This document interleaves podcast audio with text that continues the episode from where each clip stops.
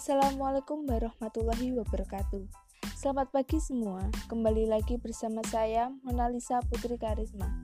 Pagi ini saya akan membawakan berita terkini. Langsung saja ya.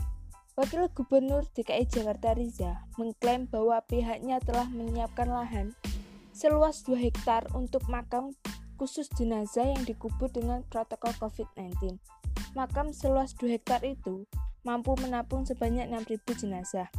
Penambahan makam tersebut dikarenakan lahan di pemakaman Pondok Rangon Jakarta Timur dan Tegal Alur Jakarta Barat semakin menipis.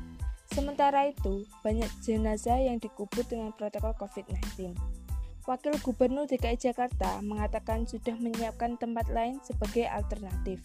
Di antaranya adalah proses penyiapan di rorotan seluas 2 hektar dan sudah menyiapkan tempat lain kalau tempat tersebut dirasa kurang. Politikus Partai Gerindra itu meminta agar warga Jakarta tidak perlu khawatir kalau DKI Jakarta akan kekurangan makam untuk mengubur jenazah dengan protokol COVID-19.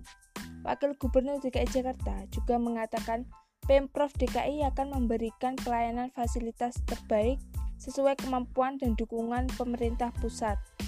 Berdasarkan situs corona.jakarta.co.id per 30 September 2020, Total pemakaman dengan protokol COVID-19 di, DKI Jakarta mampu mencapai 6.524 jenazah. Sekian berita dari saya, semoga bermanfaat. Saya Monalisa Putri Karisma, mohon undur diri. Wassalamualaikum warahmatullahi wabarakatuh.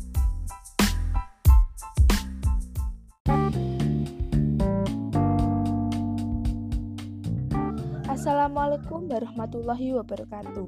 Selamat pagi semua, kembali lagi bersama saya, Mona Lisa Putri Karisma. Pagi ini, saya akan membawakan berita terkini.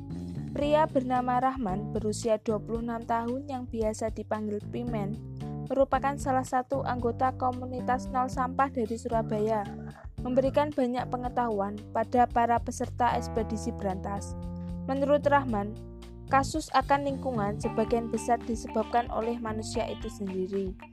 Saat ini, masalah tersebar yang harus diberantas adalah maraknya penggunaan bahan plastik. Kebanyakan dari masyarakat beranggapan bahwa tidak ada dampak apa pun setelah memakai bahan plastik. Padahal, jika mereka mengetahui dampak dari penggunaan plastik dapat dirasakan dalam kehidupan sehari-hari.